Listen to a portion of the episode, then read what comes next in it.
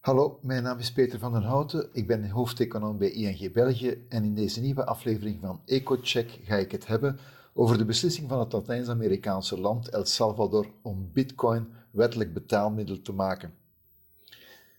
El Salvador is voor de meesten onder ons niet echt een bekend land. Het Centraal-Amerikaanse land kwam in het begin van de jaren 80 nog wel even in het nieuws vanwege een bloedige burgeroorlog, maar sindsdien duikt er nog weinig nieuws over op in onze Belgische media.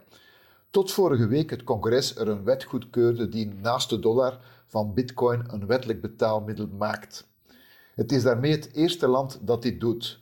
Nu zal u zeggen, ja, maar dat kan toch in, al in vele landen met bitcoin betalen? Dat klopt, maar dat is puur op vrijwillige basis. Indien een verkoper een betaling in bitcoin aanvaardt, dan, dan werkt dat, maar hij heeft geen enkele verplichting om dit te doen. Wanneer een munt daarentegen wettelijk betaalmiddel wordt, dan is men verplicht als verkoper betalingen in deze munt te aanvaarden. Men kan dan ook zijn belastingen in bitcoin betalen. Dus dit is wel een belangrijke stap voor bitcoin. Waarom heeft het land dit gedaan? Volgens de president gaat dit meer toerisme brengen en financiële inclusie en innovatie bevorderen. Ook zou het gemakkelijker moeten worden voor uitgeweken Salvadoranen om geld naar hun familieleden in het geboorteland te sturen. Je moet immers weten dat deze afdrachten ongeveer 20% van het bbp van El Salvador vertegenwoordigen. Maar deze claims zijn uiterst betwistbaar. Het is verre van zeker dat die internationale transfers gemakkelijker zullen verlopen via bitcoinbetalingen.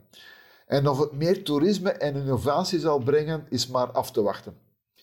Er kunnen zelfs wat negatieve effecten optreden. Indien meer mensen hun spaargeld zouden aanhouden in bitcoin, in C een volatiele munt, dan wordt dat spaargeld ook een stuk volatieler, want alle prijzen van goederen en diensten zijn nog altijd in dollar uitgedrukt. Dat kan positief, maar ook negatief uitdraaien. El Salvador had voordien sowieso al een speciaal muntregime, want ze hadden in feite geen eigen munt meer en gebruikten de dollar als officiële munt. Dat is niet ideaal, want daardoor kunnen ze ook niet zelf hun rente bepalen. Die wordt namelijk in de VS vastgelegd. En lopen ze ook inkomsten mis die gepaard gaan met de uitgifte van een eigen munt. Voor hen maakt het dan ook weinig verschil om ook de bitcoin als wettelijk betaalmiddel te gaan aanvaarden. Het is ook een munt die ze niet controleren en waar ze niets aan verdienen. Is daarmee de ban gebroken en zullen andere landen ook bitcoin als wettelijk betaalmiddel uh, invoeren in de toekomst? Dat is verre van zeker. Zoals gezegd ontlenen landen met een eigen munt daar heel wat voordelen aan, zoals inkomsten, en ook kunnen ze hun eigen monetaire politiek uh, bepalen. Nu zal u denken dat dit niet uitsluit dat men ook bitcoin wettelijk betaalmiddel maakt naast de eigen munt. Dat klopt, maar laat het duidelijk zijn dat de meeste centrale banken het niet zouden appreciëren als er een soort van parallel muntsysteem ontstaat in hun eigen land, waarop ze geen enkele greep hebben en niets verdienen. Bovendien is het natuurlijk ook zo dat bitcoin-betalingen vanwege het gedecentraliseerd systeem moeilijk traceerbaar zijn, waardoor de kans op witwassen en financiering van illegale activiteiten toeneemt.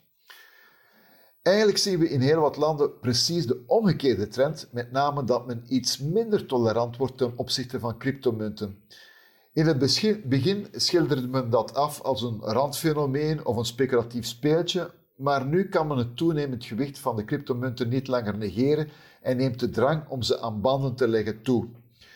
Het Baselcomité voor Bankentoezicht, het orgaan dat de internationale bankenregels vastlegt, liet weten dat ze in de toekomst banken die cryptomunten zouden aanhouden, zal verplichten daar een volledige kapitaaldekking tegenover te stellen.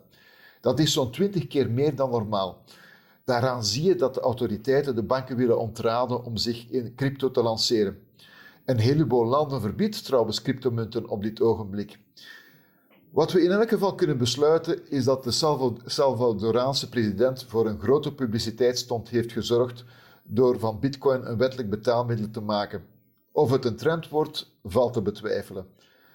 Zo, dat was het dan. Bedankt om te luisteren en graag tot de volgende keer.